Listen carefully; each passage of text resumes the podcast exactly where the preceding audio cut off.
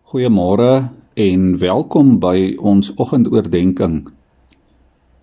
Hierdie week herdenk ons Christus se lyding en sy dood aan die kruis. Oor die algemeen hou die dood groot onsekerheid in. Die dood is 'n werklikheid waarvan ons as mense nie kan ontsnap nie. Dit is ons grootste aardse vyand. Die afgelope paar weke beleef mense ook die dood as 'n groot bedreiging met die skaduwee van COVID-19 wat oor die wêreld hang. Nou ons kan nie oor die lewe dink sonder om ook oor die dood te dink nie. Dit is deel van ons lewe op hierdie aarde.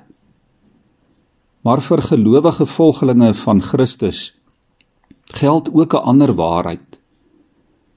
En dit is dat ons nie oor die dood kan dink sonder om ook oor die lewe te dink nie.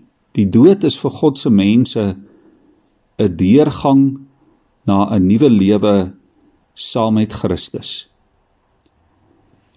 In Johannes 11 lees ons van Martha en Maria wat stikkend is oor die dood van hulle broer Lazarus. Hulle voel dat die Here hulle heeltemal vergeet het. Beide Martha en Maria sê vir Jesus: "Here, as U hier was, dan sou ons broer nie gesterf het nie."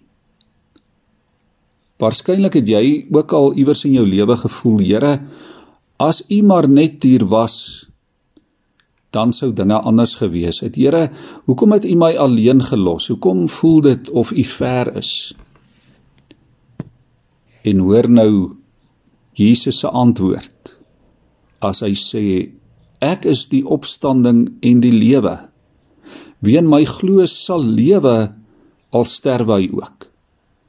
En elkeen wat in my glo sal in alle ewigheid nooit sterwe nie.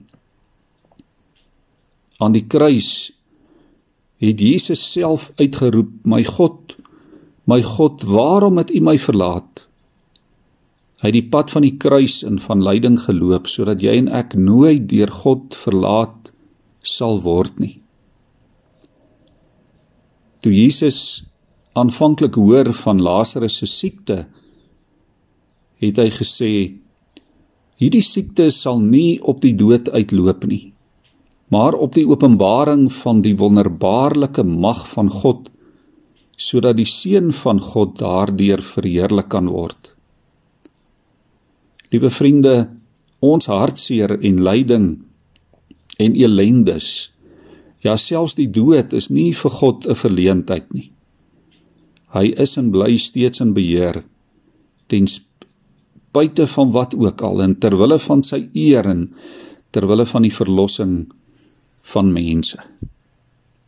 Kom ons bid vanmôre saam.